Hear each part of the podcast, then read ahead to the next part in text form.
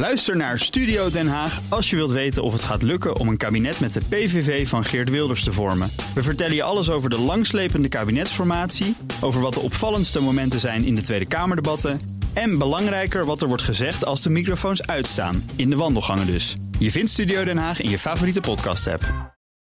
Beleggerspanel. Na een historische koersval in augustus heeft Adyen het vertrouwen van de belegger herwonnen. Maar is de situatie van het betaalbedrijf dan nu echt anders dan een paar maanden geleden? En de Italiaanse kredietwaardigheid ligt deze week onder een vergrootglas. Dat en meer bespreek ik in het beleggerspanel met Corné van Zel van Cardano en Thijs Knaap, hoofdeconoom van APG. Fijn dat jullie er zijn. Goedemorgen. Met uh, uiteraard allereerst jullie eigen nieuws. Corné, wat wil jij eruit pikken? Ja, 60 procent. En uh, 60 procent is een uh, cijfer wat aangeeft hoeveel van de professionele beleggers volgens de Bank of America survey uh, denken dat de rente gaat dalen. Oftewel dat je een flink mooi rendement gaat maken met je obligaties. En dat vind ik altijd een beetje schokkend als de consensus zo overduidelijk is. Hè, ze houden deze enquête al sinds 2003. En uh, het hoogste cijfer voorheen was 35 procent. Zo. Dus ja, de consensus is duidelijk. Je gaat een bak geld verdienen met je obligaties. En als de consensus zo overduidelijk is, moet je altijd een beetje voorzichtig zijn. Wat zijn de risico's van die eensgezindheid dan? Nou, dat uiteindelijk uh, het tegenovergestelde scenario uitkomt. En dat hebben we bijvoorbeeld vorig jaar heel duidelijk gezien. Amerika en Europa zouden in een recessie komen. Dat is allebei niet gebeurd. De beurs zou het eerste half jaar naar beneden gaan. Zouden in een energiecrisis komen in Europa. Um, en het tweede half jaar zou de beurs herstellen. En je ziet bij al, en je, je moest in emerging markets beleggen. Nou, al die consensus dingen zijn allemaal niet uitgekomen. En iedereen tegenovergesteld. Dus je moet altijd een beetje voorzichtig zijn. Of zoals ik altijd zeg, als je doet wat iedereen doet, dan verdien je wat iedereen verdient. En dat is meestal niet zoveel. Ja, kun je daar nog iets uh, tegen inbrengen, Thijs? Tegen dit soort wijsheden? Ja, ik vind het inderdaad wel aardig dat je, dat je kijkt naar een, uh, ja, een enquête over wat de meeste mensen denken. Ja, er is toch 40% mensen die iets anders denken. Of vullen die dan in van ik weet het niet? Want die vullen neutraal in of ja. uh, neerwaarts. Maar het geeft wel aan als je met een uh, 20 jaar historie zit en dat is zo gigantisch dat, dat he, je kan in een enquête altijd meerdere antwoorden invullen, maar in dit geval uh, heb je een brede zin. Maar ja, als 60% denkt dat je dus in obligaties moet beleggen. Het is geen garantie dat je geen geld op obligatie gaat verdienen, maar ik zou altijd een beetje voorzichtig met die consensus zijn. Ja. Thijs, um, waar politieke partijen voorzichtig mee moeten zijn... dat is ook duidelijk geworden. Een nieuwe regelgeving vanuit de Europese Unie. Ja, ik las een amusant artikel in de Volkskrant vanochtend over microtargeting. Ik weet niet of jou die term iets zegt. Uh, het gaat erom dat je uh, als gebruiker van het internet advertenties voorgeschoteld krijgt die zijn afgestemd op de dingen die jij leuk vindt of niet leuk.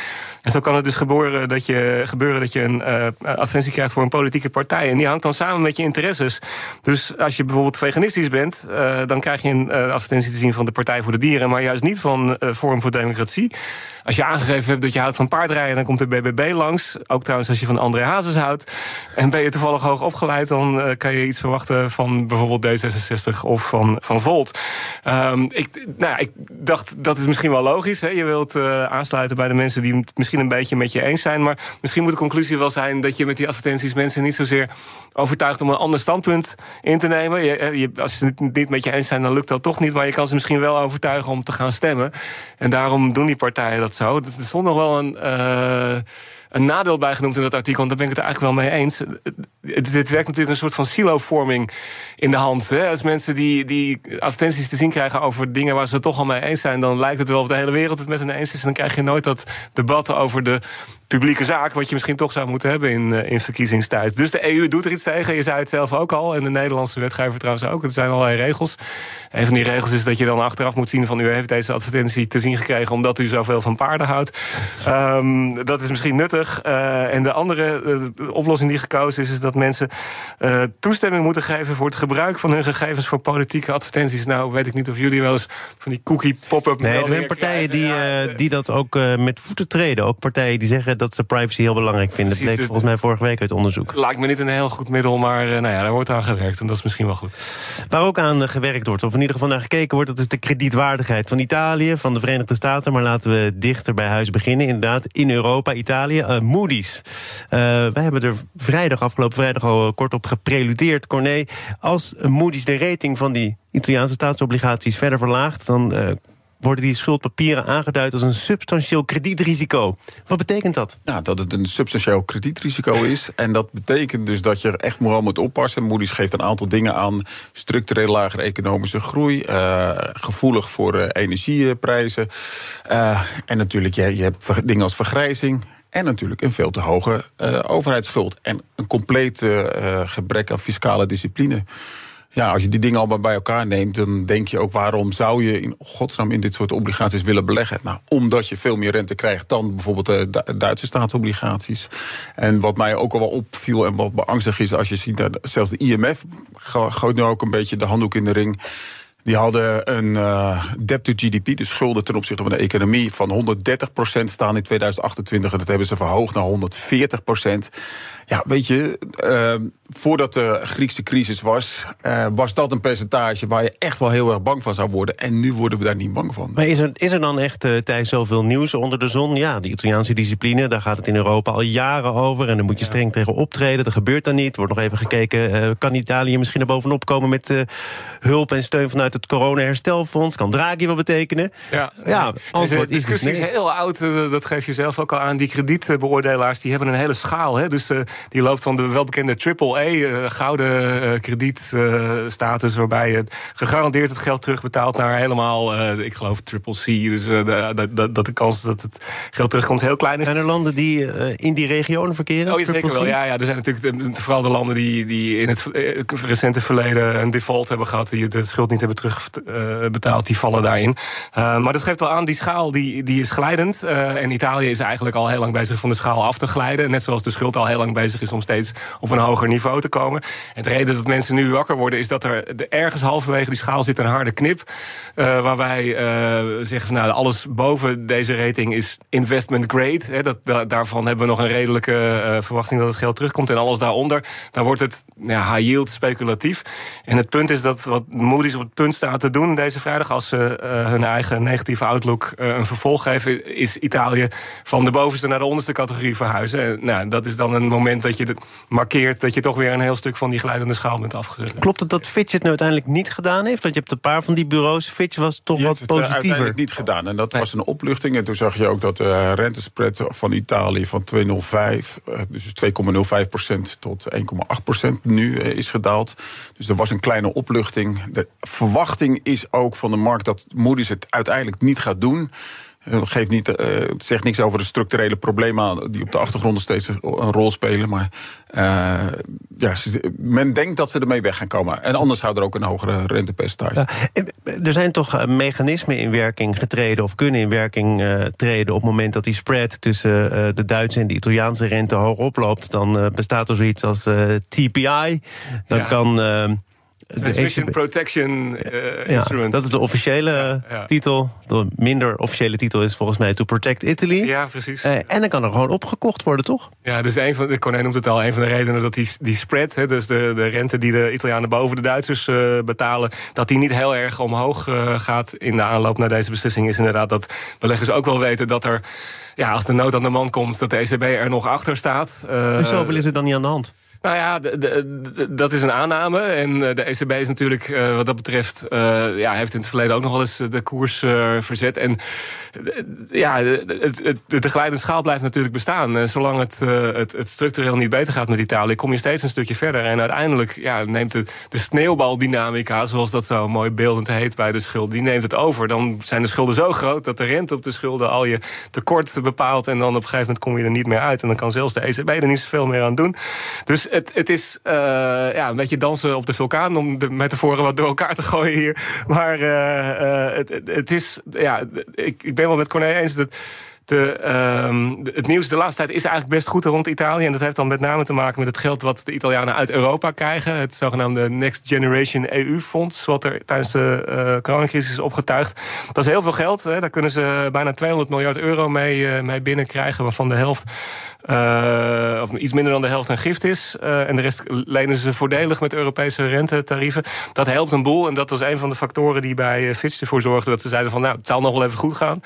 Um, de lange termijn trend is minder positief. Over de waardigheid van die bureaus zelf, die kredietbeoordelaars. Wat doen die nou meer dan goedwillende amateurs die wat cijfers bij elkaar zoeken, openbare bronnen? En op basis daarvan constateren dat het met Italië wel eens beter is gegaan of slechter is gegaan. Ja, doe me denken aan een fixed income belegger die vroeger mijn collega was. Die zei altijd: uh, zelf nadenken is te waardevol om een andere over te laten. En dat is in feite wat je met dit soort rating agencies doet. Als je hele specifieke bedrijfsrisico's hebt, dan is het loont het de moeite om naar dat soort uh, rating agencies te kijken. Maar in dit geval ja, hoef je er zelf niet te lang over na te denken om tot dezelfde conclusie te komen. Ja, ik vind wel, die, de rating agencies hebben een hele belangrijke functie als het gaat om bedrijven. Er zijn duizenden bedrijven, die kan je niet allemaal zelf volgen. En dan is het heel nuttig om in te kopen. Wat is ongeveer de, de status van dit bedrijf? En daar zitten ze er ook wel dicht op. klopt als het, het goed is wel. En ja, Dat, ja, je kan vragen stellen over hoe dat tot stand komt. Hè, want de bedrijven betalen zelf voor zo'n oordeel. Dus daar zit altijd een beetje een uh, ja, moeilijke structuur in. Maar daar, daar durf ik ze nog wel. Uh, dat, dat zou je nog wel uit kunnen besteden. Dat is nog wel nuttig. Er zijn veel minder landen dan bedrijven. Dus bij Italië loont het de moeite om er zelf uh, naar te kijken.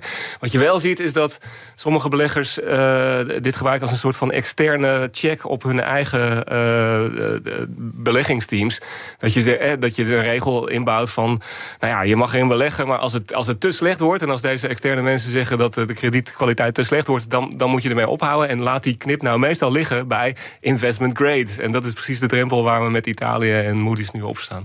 Uh, tot slot hierover. Uh, Italië is een belangrijk thema. Zeker met het oog op uh, de euro, de transferunie, alles wat ermee gemoeid is. De eurobonds die ook weer de revue passeerden de afgelopen weken uit de mond van Klaas Knot. Maar misschien net zo belangrijk.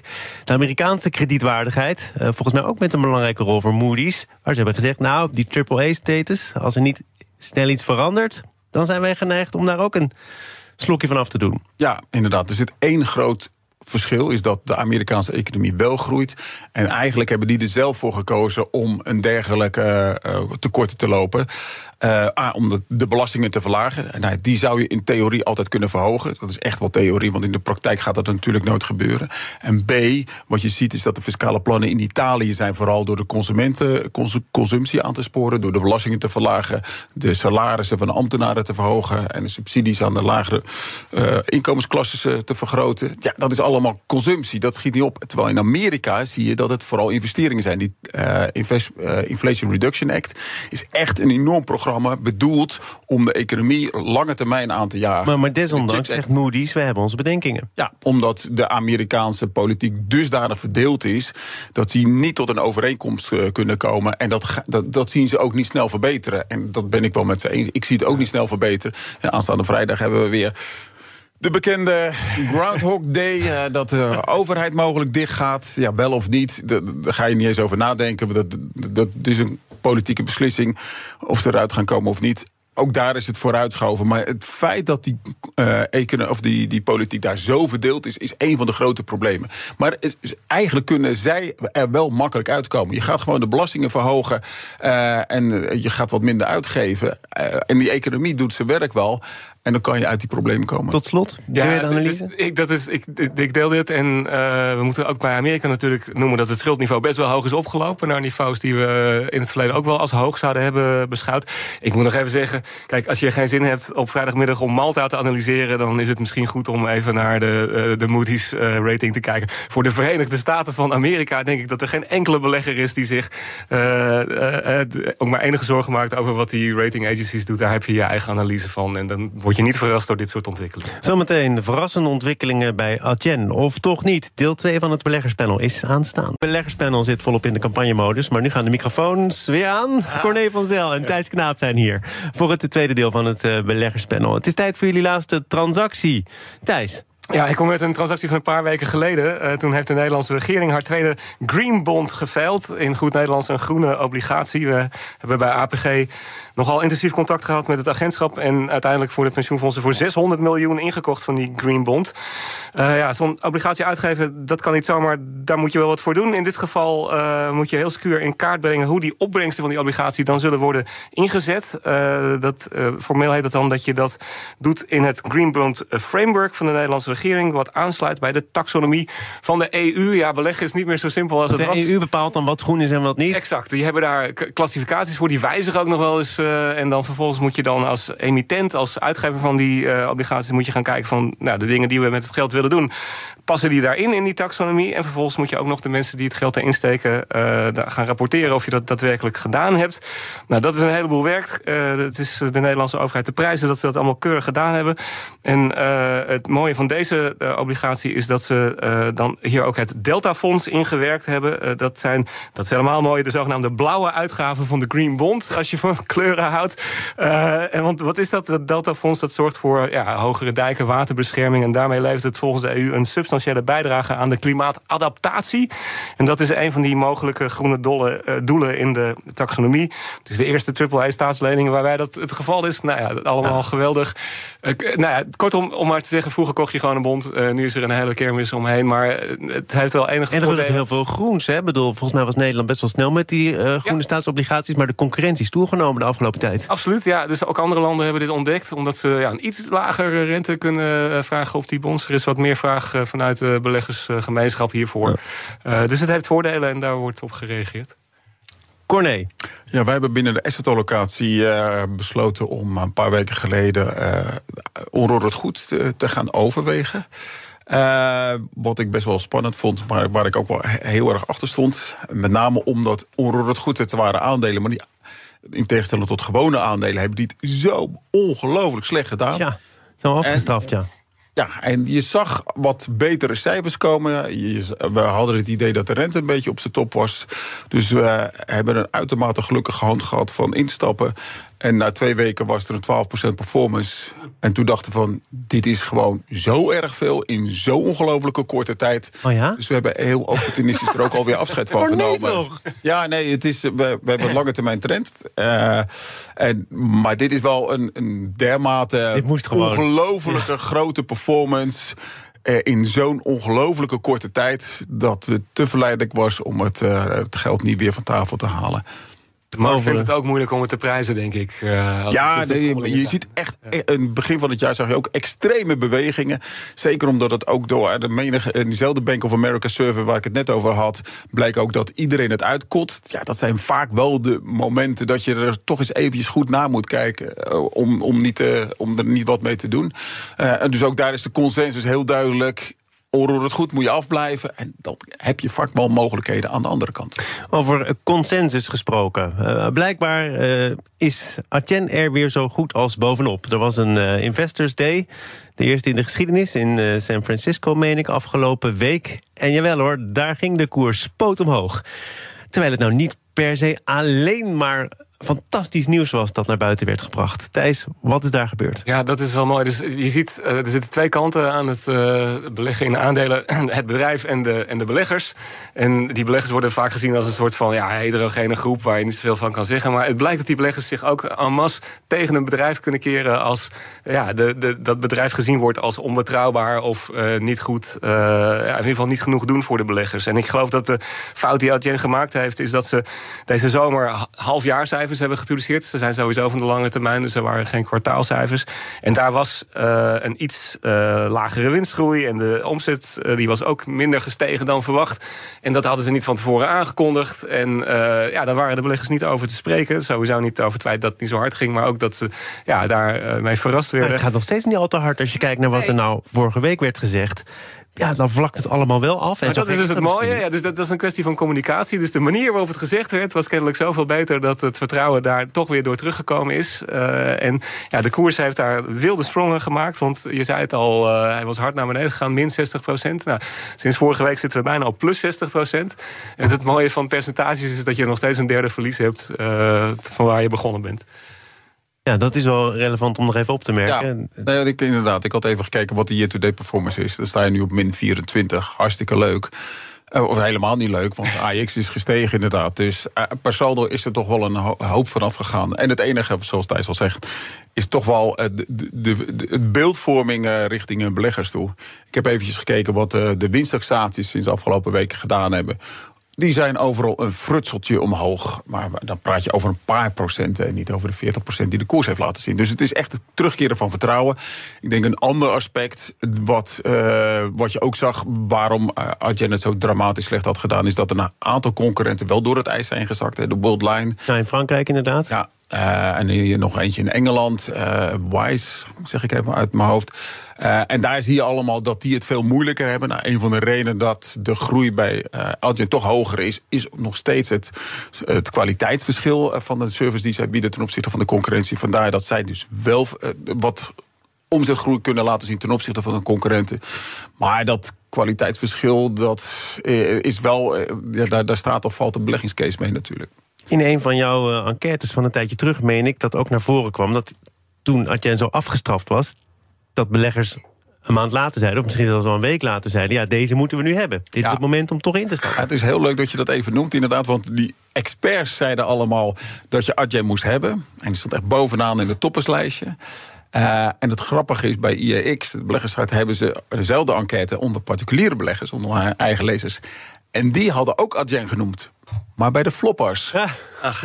Dus uh, je krijgt altijd commentaar. Ja, die stomme experts die snappen er helemaal niks van. En die kunnen het ook niet. Overbetaalde mensen die eigenlijk alleen maar met geluk of toeval. Maar ja, dit is echt gelijk. In, de maand is nog niet afgelopen. Maar wel de enorme uh, terugkeer van die experts. Dus ik ben heel benieuwd hoe dit. nou, je weet eigenlijk al hoe dit gaat aflopen. Een grote vraag tot slot. Want die betaalbedrijven die hebben een roerige tijd achter de rug. Sommige zakken door het ijs. Adyen weet dan toch nog stand te houden. Maar het mag ook wat pijn kosten, groeipijn, mag je het wel stellen.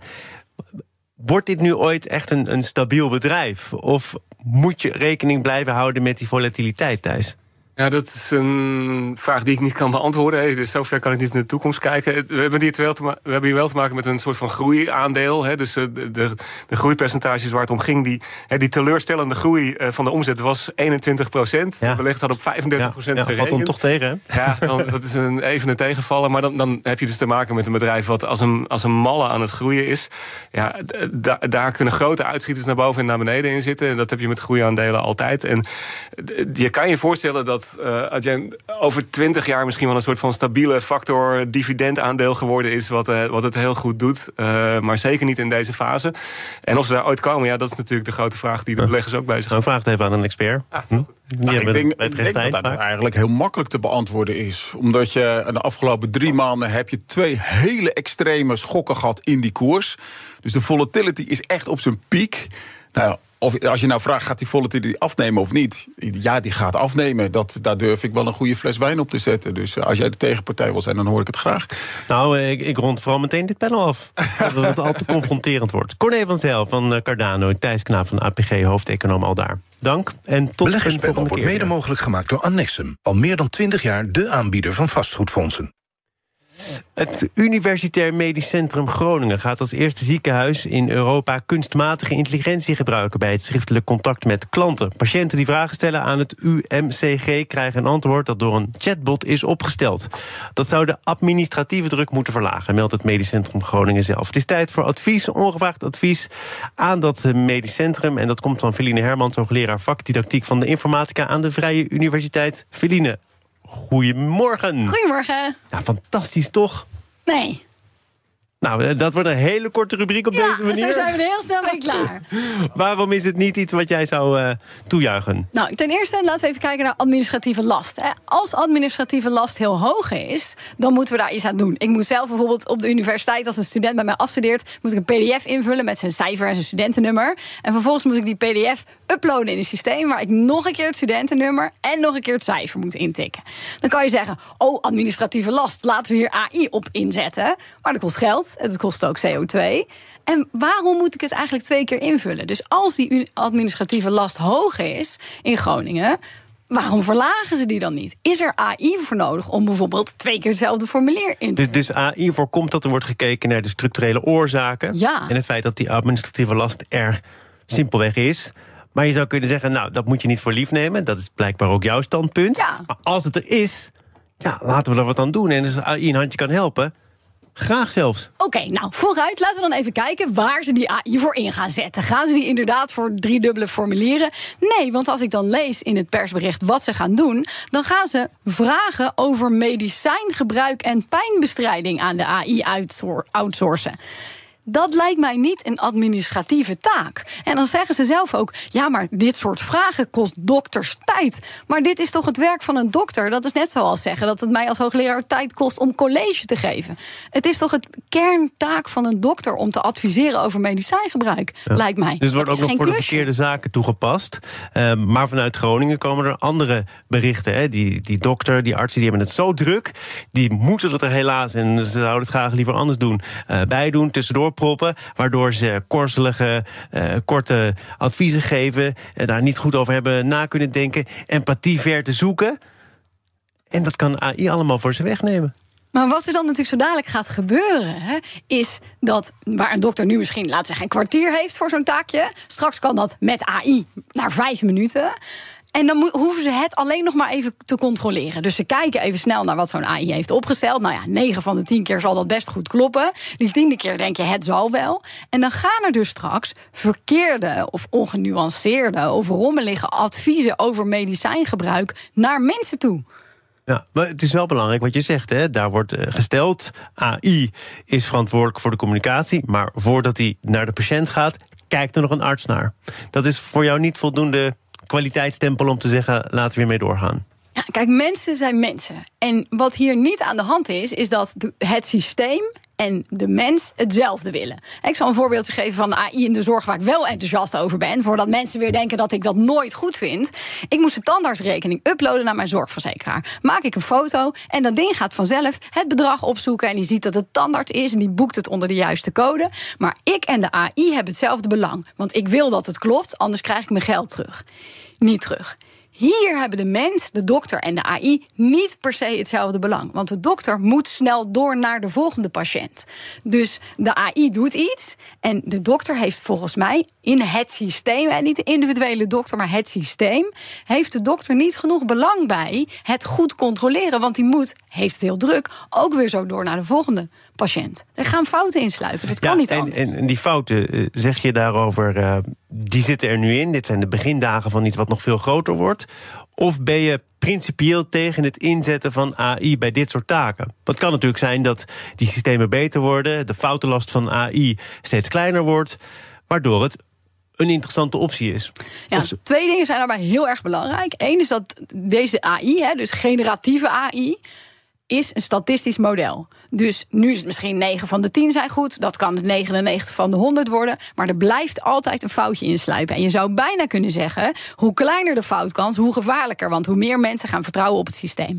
En jammer als we allemaal straks slechtere zorg hebben. Maar we weten al dat de gezondheidszorg een groot probleem heeft met het verschil tussen mannen en vrouwen. Oh ja. En niet, alle, niet eens alle vrouwen, en vooral bijvoorbeeld zwarte vrouwen, krijgen ook Liesbeth Staats vind je in de BNR-app. Ja, heel handig. Luister live naar Kees en mij tijdens de Daily Move. Dan blijf je ook gelijk op de hoogte van breaking news en het laatste zakelijke nieuws. En daar vind je ook alle BNR-podcasts, waaronder de Perestrooikast. Download nu de gratis BNR-app en blijf scherp.